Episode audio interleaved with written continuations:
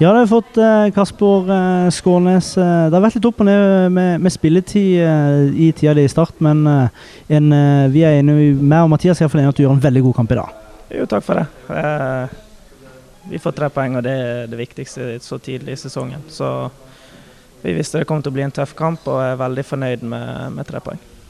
Du blir bytta ut som førstemann i, i andre omgang. Blir du, blir du tom, eller blir det taktisk bytte fra Joey?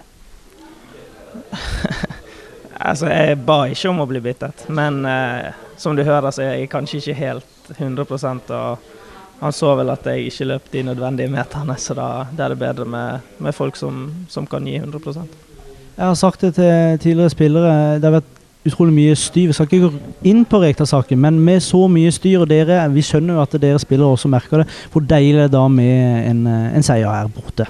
Nei, det er alt som betyr noe. Eh, vi må komme i gang og plukke trepoengere, for det, det jo de to hovedkonkurrentene våre. De har, de har begynt å plukke, så da var det viktig at vi òg gjorde det. Og ja, det, nå er det bare å fortsette.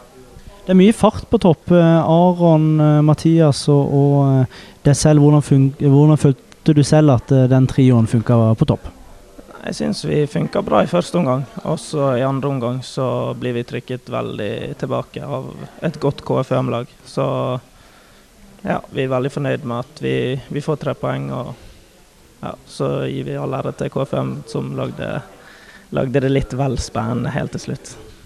Mye løp inn i bakrom fra deg, og også mange fine bevegelser eh, rundt på topp. Veldig hissig på bakrommet. Var det en instruks du fikk fra Joey Hardasson, sånn som på det ene målet du skårer, kommer på et dypt løp inn i boksen? eh, Er dette noe dere har øvd på på treninger og inn mot kamper, eller snakker om? Ja, det er egentlig det. Eh, hvis vi får rettvendt tierne eller noen i mellomrommet, så skal det komme løp i bakrom. Og jeg vet at Aron har en, en veldig bra fot, så vi er heldige i dag, så håper jeg det fortsetter.